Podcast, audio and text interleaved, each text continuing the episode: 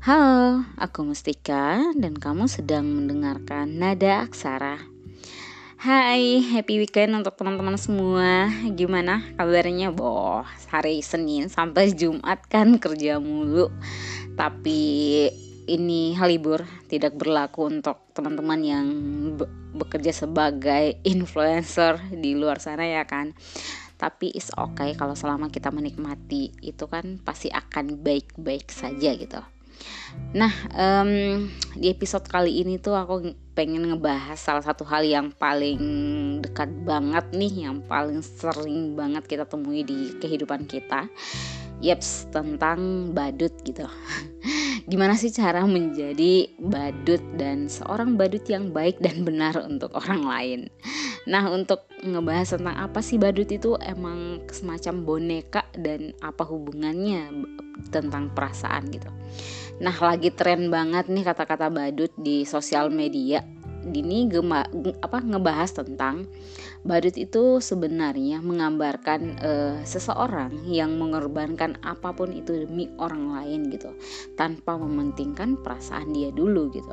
Ibaratnya pengen banget nih uh, melakukan apa saja untuk doi gitu kan, walaupun hatinya terluka, hatinya intinya dia patah sepatah-patahnya tapi dia tetap stay untuk satu orang gitu. Nah, um, ngebahas tentang menjadi badut. Menurut aku tidak ada yang salah tentang hal itu. It's okay kalau menjadi badut untuk orang lain kan ibaratnya ini aku pengen jadi A buat si B kan pengen jadi A buat si B itu biar si B itu tertarik sama aku ya it's okay gitu maksudnya bukan atau setidaknya bukan tertarik tapi di notice aja gitu sama si B. Is oke okay sih menurut aku.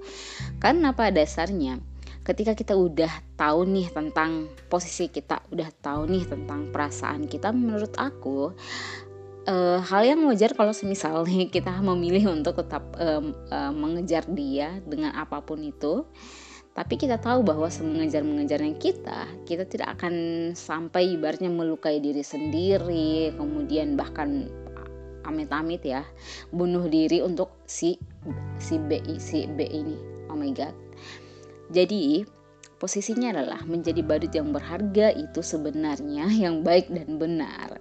Ketika kamu jalan bareng doi nih, kamu akan merasakan kupu-kupu bertebaran di mana-mana gitu kan. Ibaratnya intinya pulang dari jalan itu kamu akan merasa oh my god hari ini aku jalan bareng doi. Tapi perasaan kupu-kupu yang kamu rasakan itu tidak akan menghancurkan posisi kamu sebagai selayaknya diri kamu gitu loh gengs. Aku jatuh cinta nih.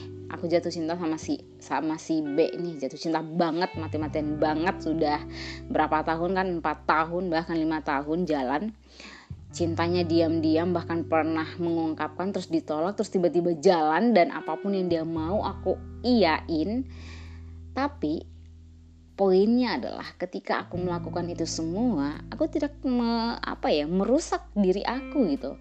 Tidak tidak sampai mau uh, berpikiran untuk uh, apa ya untuk hancur untuk tidak berproses terus atau tidak atau berpikiran untuk uh, stop melakukan hal-hal yang positif.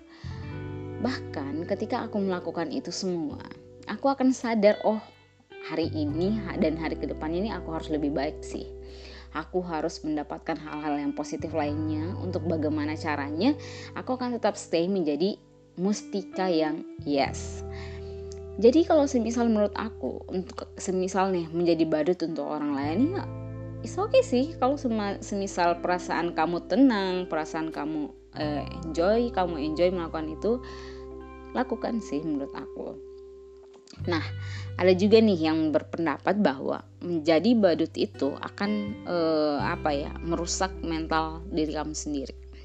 Aku sepakat karena ketika ekspektasi yang kamu gantungkan sama orang lain semakin tinggi dan dan apa yang dengan apa yang kamu lakuin buat dia kan pasti kamu akan terluka secara mental aduh eh, aku sudah ngelakuin ini sebanyak ini buat dia tapi respon dia gitu-gitu aja gitu ya ekspektasi kamu yang terlalu tinggi. Coba kita balik gitu.